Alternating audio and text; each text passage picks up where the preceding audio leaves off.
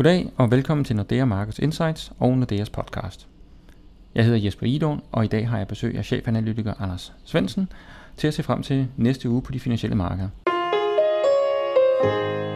Velkommen til, Anders. Tak. Vi kan ikke komme udenom det amerikanske valg, som jo er en alt overskyggende begivenhed i den kommende uge. Nu venter vi bare på resultatet.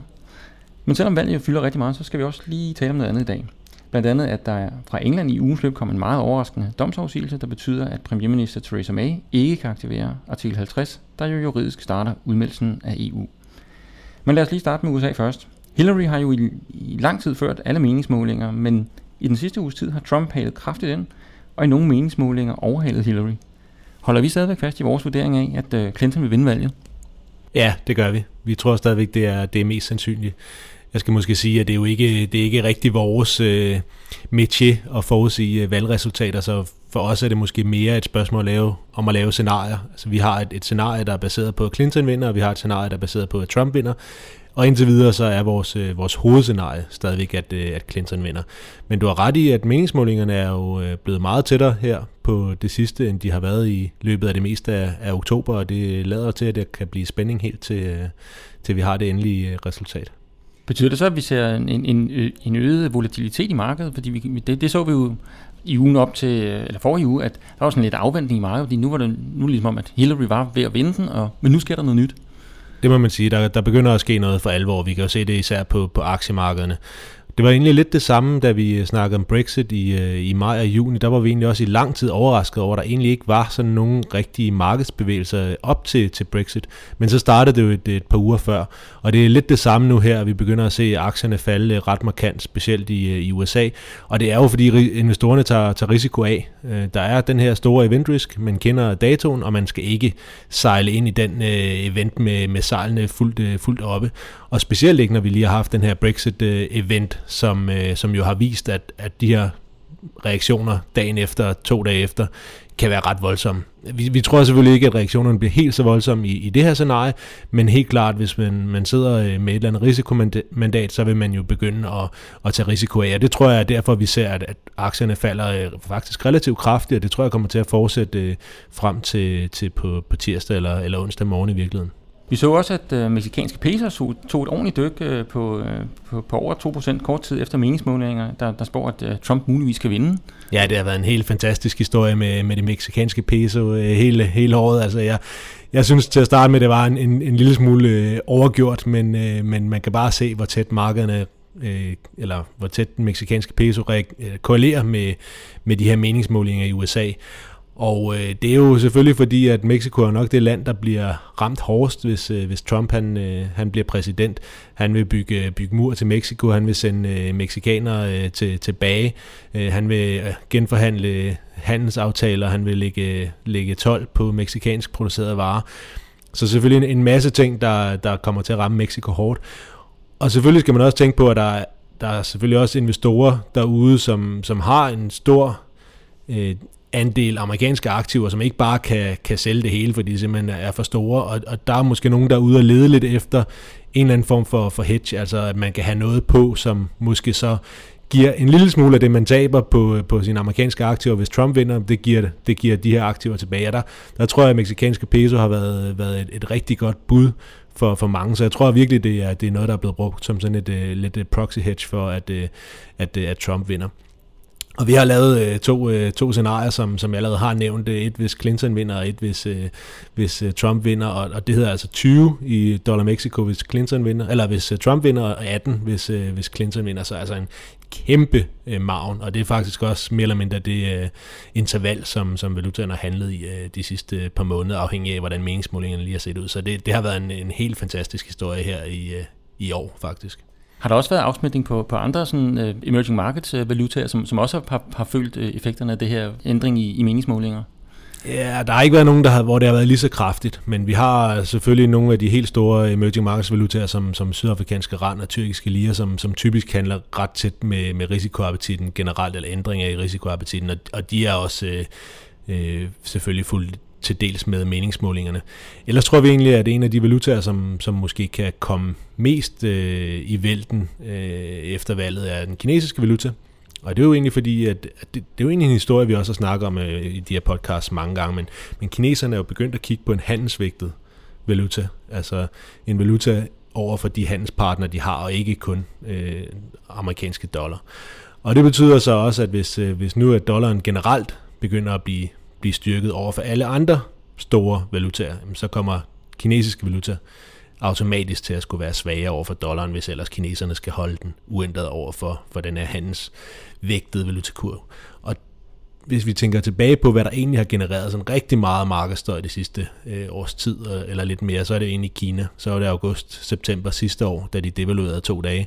Så var det i december-januar i år, hvor at valutaen også virkelig øh, tog sig en ordentlig tur.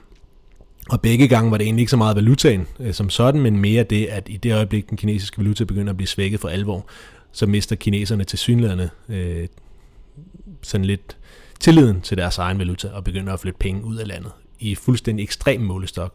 Og det har altså skabt øh, rimelig stor panik på markederne de sidste to gange, det er sket.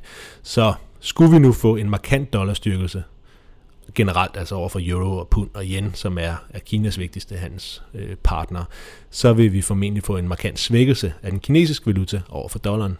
Og hvis den svækkelse er så stor, at kineserne igen begynder at tage penge ud af Kina, så kommer der til at ske, øh, ske ting og sager på, på markederne. Så det, det er måske også et sted, hvor vi kan sige, der, der kan ske noget, men der skal nok rimelig store øh, dollarbevægelser til. Og, og det tror vi sådan set ikke rigtigt. Altså, man kan sige, at dollaren er måske en af de kryds, hvor det er lidt svært at sige præcis, hvad der skal ske. Normalt vil man sige, at dollaren er en, en sikker havn, så når der er øget risiko, så bliver dollaren styrket. Men den her gang kommer risikoen for USA. Så kommer man til at se det samme den her gang. Det tvivler vi faktisk en, en lille smule på, og, og vi tror egentlig ikke, at der kommer til at være de helt store dollarbevægelser. Hvis vi så lige skal runde, runde, runde valget af, selvom, ikke, selvom det ikke er afgjort nu, men, men hvad kan vi forvente i dagene efter valget? Det kommer så til at afhænge meget kraftigt af, hvad, hvad resultatet bliver. Ja, det men, øh, men vores scenarie, som, som nævnt, er, at hvis, hvis Trump vinder, jamen, så kommer renterne til at, at, at falde i det hele taget. Så bliver det den her bevægelse mod sikker havn. Det vil sige, renterne falder, eller obligationspriserne stiger. Øh, aktierne falder generelt. Vi kommer til at se, at... Øh, at dollaren formentlig øh, bliver svækket en lille smule, hvis, øh, hvis Trump vinder. Vi kommer til at se meksikanske peso blive svækket ret markant. I det hele taget, emerging markets valuta er svækket øh, relativt markant. Mens at hvis, øh, hvis Clinton vinder, så kommer der til at være en eller anden form for lettelsens suk, hvor reaktionen mere eller mindre er, er den modsatte, altså højere aktier, øh, højere renter, øh, en styrkelse af, af pesoen og, og emerging markets valutaen i det hele taget. Det er kun USA, der skaber uro i øjeblikket. Øh, med denne uges domsafsigelse i England, øh, der har afgjort, at det kun er parlamentet, der kan aktivere artikel 50, øh, er der kommet grus i maskinen for Englands udtræden af EU. Hvad forventer du, at der kommer til at ske? Vil, vil Theresa May forsøge at få parlamentet til at aktivere artikel 50, eller kan det i yderste konsekvens betyde udskrivning af et valg i, i England? Det er rigtig gode spørgsmål, og det er nok ikke noget, vi kan sige noget rigtig begavet om, andet end at det her bare understreger den pointe, som vi på en eller anden måde har haft fra starten af, at det her det bliver en rigtig, rigtig, rigtig lang proces.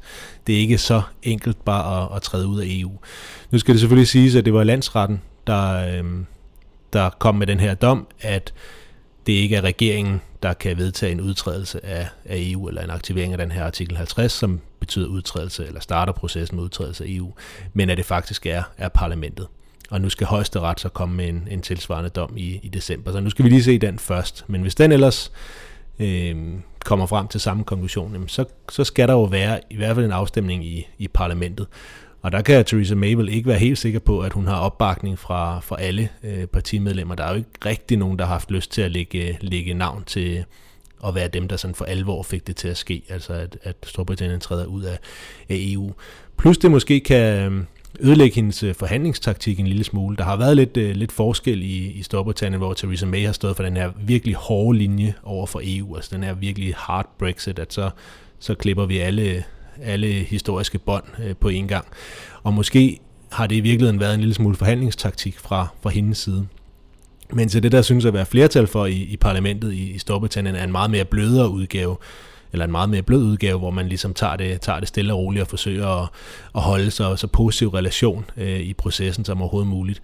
Måske er det lidt sværere for hende, og, og hvis det nu ellers er en forhandlingstaktik, så vil det være lidt sværere for hende, hvis hun så skal til parlamentet og fremlægge øh, sin plan og fremlægge en eller anden form for, for scenarie for, hvad, hvad de rent faktisk kan stemme om. Altså man kan jo ikke bare gå til parlamentet og sige, nu skal I stemme ja eller nej til det her. Man er ligesom nødt til at fremlægge, hvad, hvad er så vores plan?